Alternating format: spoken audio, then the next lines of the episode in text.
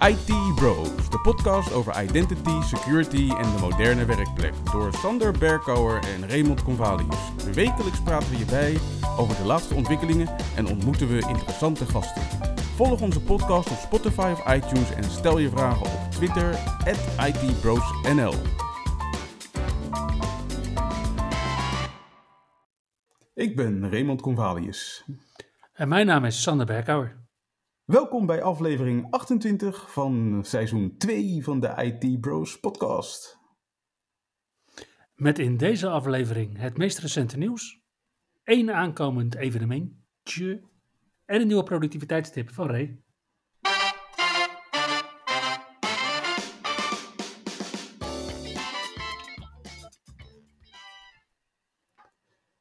Hey Sander, het was weer uh, de week van Pets Tuesday deze week. Ja, maar dat is toch, uh, is, dat, is dat dan tegenwoordig het grootste nieuws uit onze podcast? Nee, maar het is wel waar we mee beginnen. Oké, okay. nou, dat zit ik niet in de notes terug. Geef niet. ja, het was uh, week 7b, zoals ze dat dan bij Microsoft intern noemen. Mm -hmm. En Microsoft adresseerde 84 kwetsbaarheden en daarbovenop een zero-day kwetsbaarheid. Het was een uh, imposante lijst van kwetsbaarheden. Waarbij er uh, in dit keer weer eens uh, 52 elevation of privilege vulnerabilities werden gevonden. 4 security bypass vulnerabilities. 12 remote code execution vulnerabilities. 11 information disclosure vulnerabilities en 5 denial of service vulnerabilities. Dat is die, die rivier in Afrika, toch? Denial of Ja. service. Precies. Wat me opviel is dat er 32 Azure Site Recovery kwetsbaarheden zijn opgelost. Ja, daarmee was Azure Site Recovery echt uh, absoluut de nummer 1 onder de kwetsbaarheden van de afgelopen maand. Ja, je zou denken dat ze dat flink onder handen hebben genomen. Maar Blijkbaar moest het. wordt misschien nog eens wat. Er was ook wel wat aan de hand volgens mij met eh, Azure afgelopen maand. Dus misschien dat ze aan de hand daarvan nog eens een keer uh, wat extra dingetjes onder de loep hebben genomen. En wat natuurlijk opvalt is dat er uh, één uh, zero-day kwetsbaarheid tussen zat. Die is uh, inmiddels bekend onder CVE 2022-22047. En dat betreft een kwetsbaarheid in het Windows Client Server Runtime Subsystem, oftewel de Windows CSRSS. En het gaat hier om een elevation of privilege vulnerability waarmee je local system kan worden op een willekeurige machine. Dat is er eentje waar men redelijk zenuwachtig van wordt, ook omdat die al in het wild rondgaat. En de CISA, oftewel de Cyber Security Infrastructure Security Agency in, de, in Amerika, heeft er hier al voor gewaarschuwd en heeft de federale overheden drie weken de tijd gegeven om de updates van juli te installeren deze maand. Ja, als we dan kijken naar wat er tot nu toe misgaat met deze updates, dan zien we dat als je een installatie hebt die is gebouwd met niet standaard media, dan zien we dat als je een installatie doet met je eigen CD of USB-stick, dat je problemen kunt hebben met Edge. En dat Internet Explorer er wel af is, maar Edge er niet op is. en wat we zien is een ander probleem met Edge in de Internet Explorer mode, waarbij modal screens niet goed tonen. Nou, daar hadden ze vorige maand ook al issues mee. ja, het, uh, het, het, ligt aan die Windows.focus methode, die wordt uh, aangeroepen. Daar zijn ze inmiddels achter. Oké. Okay. En uh, ja, dat speelt dus nog steeds tijdens deze update. Maar je kan je voorstellen dat als een organisatie zoals CISA zegt, deze moet je absoluut doen. En organisaties er dus één, misschien zelfs wel twee overslaan. Dat ze nu pas tegen deze problemen aanlopen. Ja, inderdaad. Nou, nu was er deze week wel nieuws over Windows 11. Uh, in die zin van dat er deze week wel een release was in de Dev Channel. Oké. Okay. Namelijk release 25158. Ja, het schijnt dat er vorige week geen release was, omdat ze bezig waren met het chasen van een hardnekkige bug. En daardoor de release deadline niet werd gehaald. En release 25158, die deze week is uitgekomen, heeft een paar nieuwe features. Onder andere zijn er wat ze noemen notification badges voor widgets gekomen. Dus als je hebt zeg maar die widget die je kan laten zien, zeg maar als je links onderin je scherm een beetje rondwaalt, dan verschijnt mm -hmm. dat widgetscherm. En daar hebben ze dan nu een soort van notification balk boven gemaakt om breaking news aan te kondigen als er wat gebeurd is. Verder is Microsoft aan het concept testen met Windows Search. Weet je al, die, dat zoek, zoek dingetje naast je startknop Mhm. onderin je taakbalk. Daar zijn ze met verschillende layouts aan het uittesten om te kijken van wat werkt prettig en wat werkt minder prettig. En het schijnt dat je één van de drie beschikbare layouts kan krijgen als je hebt geüpgrade naar release 25.158. Maar het klinkt alsof er weer een hele hoop grafische interface dingetjes zitten in deze beeld. Er zit vast toch wel meer in. Vooral ja, op één ding na. Namelijk de release van DNS over TLS. Ah, En dat, eh, ja, dat is echt iets nieuws. Het is een aanvulling op eh, DNS over HTTP. Hey, wat hey, er hey. al was. Ja? Oké, eh, jij vindt dit nieuw. ik vind dit nieuw. Maar jij, jij, jij, hebt nog, jij kent nog DNS over UDP 53. Ja, En over TCP 53 als je nog zone transfers deed naar eh, bind secondaries. mhm. Ja, in die context is DNS over HTTPS en DNS over TLS inderdaad vrij nieuw. nou ja, voor Windows is DNS over TLS erg nieuw. Ja, maar wat zegt dat dan over Windows, Ray? ja. Maar in ieder geval, eh, Microsoft gaat er nu mee testen met DNS over TLS. Trouwens, DNS over TLS gaat trouwens niet over port 53, maar over port 853. Mhm. En ehm, ja, zoals het er nu naar uitziet, is dat wel iets wat we pas dus volgend jaar met de 23H2-release van Windows 11 gaan zien. Ja. Ja, en dat is ook het grote verschil met DNS over HTTPS. Dat gebruikt natuurlijk, eh, hoe noem je dat altijd? Het Universal Firewall Bypass Protocol, Mhm. namelijk TCP 443. Ja, precies. nou, dan hadden we het net over dat Microsoft bezig is met eh, testen met Windows Search. Nou, guess what? De Outlook Search is weer eens kapot. Volgens mij was die begin van het jaar ook al maandenlang stuk. En toen was er ook een probleem, zover ik weet, met de Windows Indexing Service. En dat probleem schijnt nu weer de kop op te hebben gestoken. Waardoor het mogelijk is dat je onder Windows 11 in Outlook wellicht niet de laatste mails gaat vinden als je gaat zoeken met Outlook. Dit, dit is vooral van toepassing op mensen die gebruik nog maken van eh, POP, IMAP of eh, offline exchange accounts. Dat dit gebeurt. En eh, Microsoft heeft erkend dat dit een probleem is en ze zijn het aan het onderzoeken. En in de tussentijd zeggen ze van, mocht je hier last van hebben, dan is er een workaround, namelijk het uitschakelen van de Windows Search Service. Daar zou ook niet altijd iedereen blij van worden. Nee, de Windows Search Service is dus niet echt een service. Nee, nou ja, ik denk, op het moment dat je de Windows Search Service uitschakelt, worden heel veel zoekopdrachten gewoon een stuk trager op je Windows-machine. Dus of ja, het is of het een of het ander blijkbaar. Ja, maar het is dus vooral voor mensen met POP, IMAP en offline exchange accounts. Ja, Laten we dat eens analyseren, want POP en IMAP gebruiken basic authentication. Dus dat wil je niet, tenminste in ieder geval zo min mogelijk, omdat je natuurlijk geen moderne authenticatie, zoals bijvoorbeeld met multifactor authentication kunt doen richting je mailbox. En offline exchange accounts, ik kan me nog herinneren dat dat vooral speelde op terminal servers en Citrix servers en dat soort dingen om inderdaad de, het, het verkeer richting bijvoorbeeld een, eh, een exchange online wat te minimaliseren. Of in ieder geval nee, wat te verminderen. ja, maar of je nou op een terminal server of een Citrix server Windows Search Service aan gaat zetten, vraag ik me af. Die zou daar inderdaad sowieso waarschijnlijk al niet, eh, niet draaien om die load op zo'n server inderdaad eh, te verkleinen. Nee, Hmm. lijkt, me, lijkt me onwaarschijnlijk. Ja, er is gewoon nog hoop voor Citrix. ja, blijkbaar is niet iedereen hierdoor geraakt.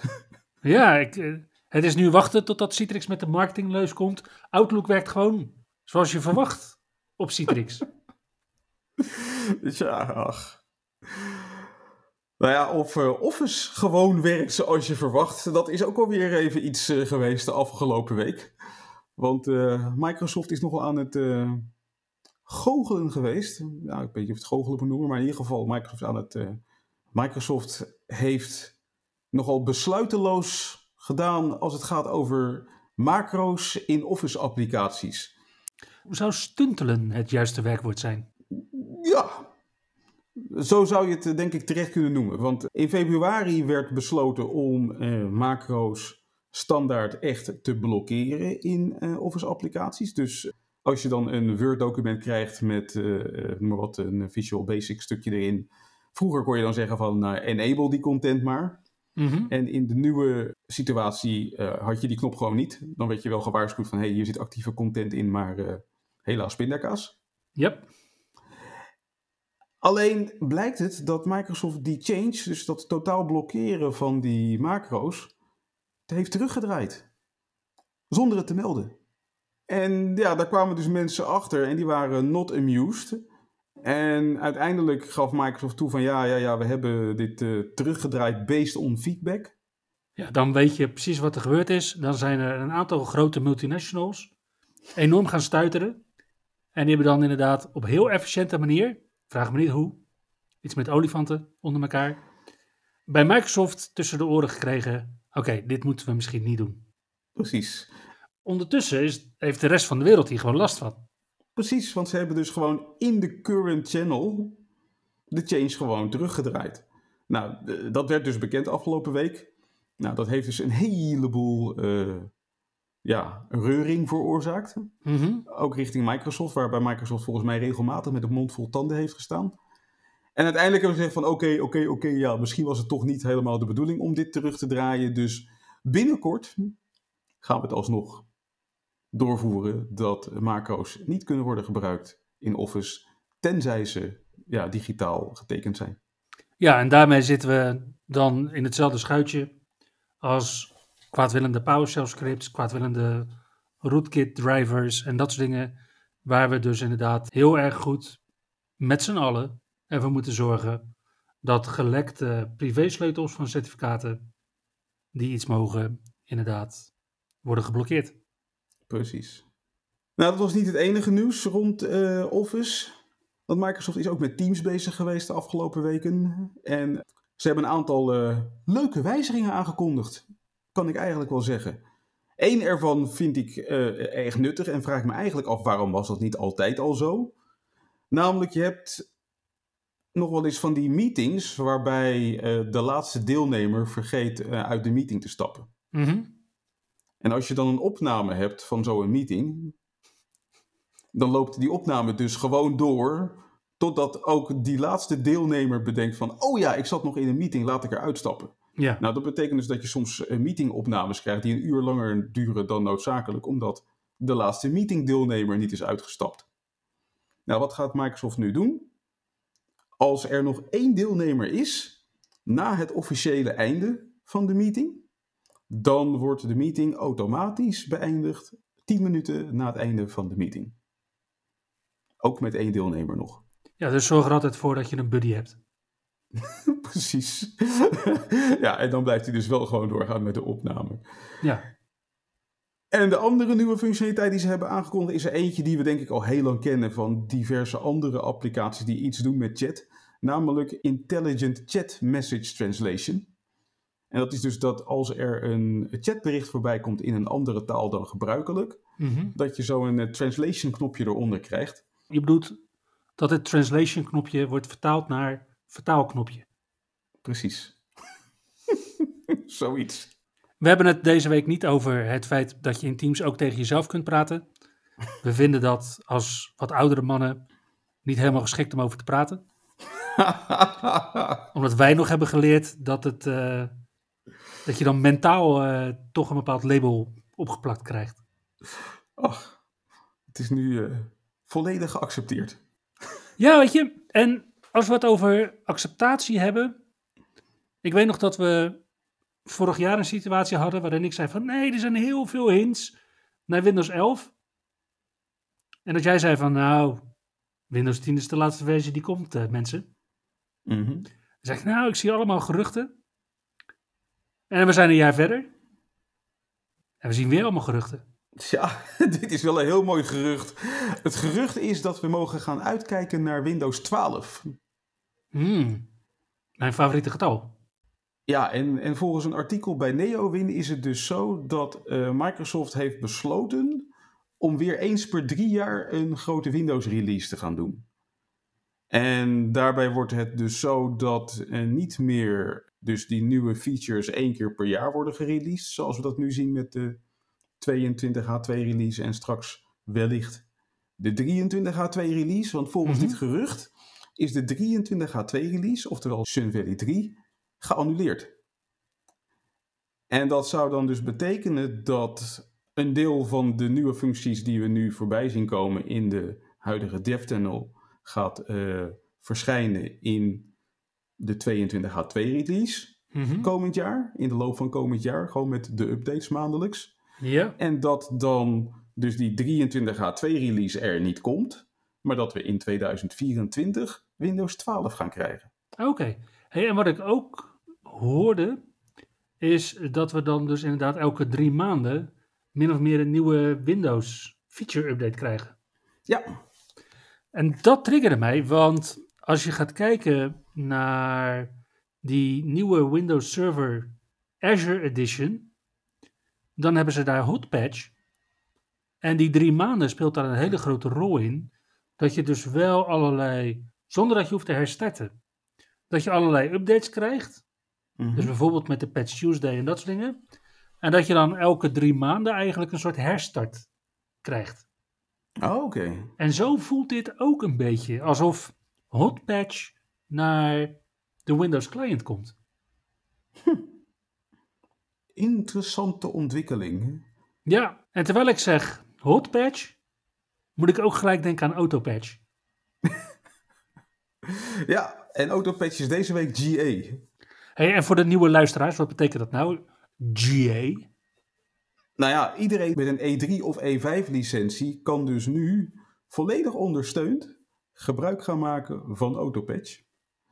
Waarbij je dus je uh, Windows Quality en Feature Updates, drivers, firmware en je Enterprise Updates aangeleverd krijgt door Microsoft. In ringen die ook door Microsoft worden gedefinieerd. Waarbij je dus een first ring hebt voor de early adopters in mm-hmm. omgeving. Een fast ring en een broad ring. En mochten er dingen misgaan, dan kan Microsoft zelf besluiten om te zeggen van nou, draai die update nog maar even terug totdat we de boel gefixt hebben. Voordat we breder gaan uitrollen. En dat is wel een flink verschil met hoe Microsoft organisaties de laatste paar jaar heeft geïnstrueerd om bijvoorbeeld met, uh, met Microsoft Intune natuurlijk alles te regelen. Hier geef je eigenlijk weer een stuk regie terug aan Microsoft. Ja, en Microsoft denkt dat ze dit heel goed kunnen, dus uh, nu voor iedereen autopatch. In ieder geval als iedereen met een E3 of E5 licentie. Ja, het is nog niet uh, beschikbaar voor A3 en A5. Nee. En als je het wil inschakelen, dan zul je moeten aanmelden met een account met de Global Administrator rol. Alle instructies zijn uiteraard te vinden op de Microsoft site. Dus uh, als je wil gaan starten en je wilde niet met een public preview aan de slag. Yes. Het mooie is ook dat de halt en rollback features beschikbaar natuurlijk al zijn voor jouw organisatie. Dus mocht je inderdaad in een van je vroege ringen merken dat de update niet voor jou is, dan kun je hem daar al terugrollen. Dat is de feedback die Microsoft ook gebruikt bij voldoende signalen om bij alle andere organisaties eventueel ook terug te rollen. Voor zover zij natuurlijk vergelijkbaar zijn met jouw organisatie. Precies. Nou, vorige week uh, heb jij trouwens een uh, gerucht de wereld ingeholpen. En tot mijn stomme verbazing was je niet eens de enige. We hadden het inderdaad vorige week over Edge OS. Ja, het feit dat Microsoft opeens allemaal extra functionaliteiten in Edge ging stoppen, waarbij ik zoiets had van, nou, heeft helemaal niks met een browser te maken. Mm -hmm. En toen zei jij van, ja, waarschijnlijk zijn ze bezig met een OS te creëren rondom Edge. Dat lijkt mij een hele logische reden om dat te doen, inderdaad.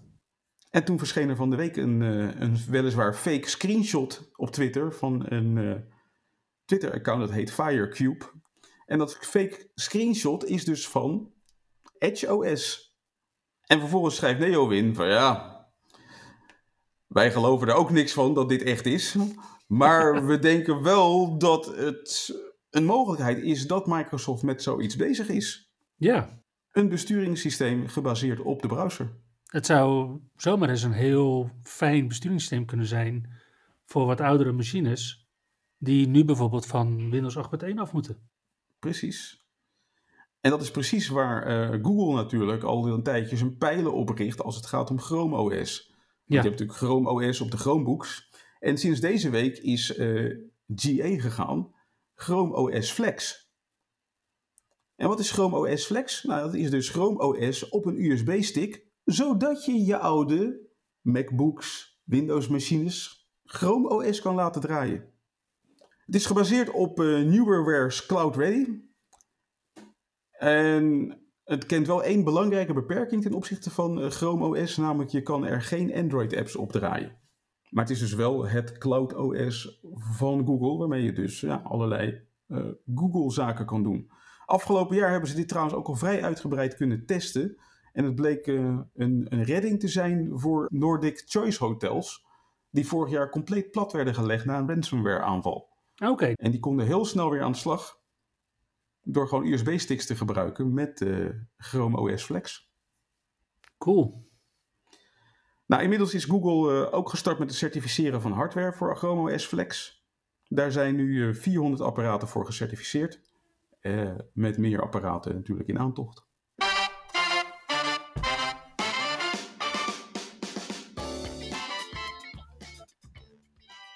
Volgende week zien we geen fysieke evenementen, maar wel één virtueel evenement op de kalender. Namelijk op 19 juli van 9 uur s ochtends tot 10 uur s ochtends, maar dat is Pacific Time, is er een Ask Me Anything, een AMA, over Entra Permissions Management.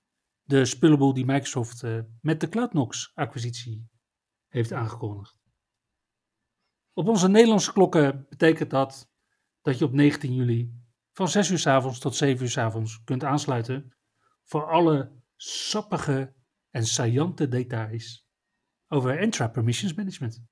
Ja, en dat alles op de Microsoft Tech Community site.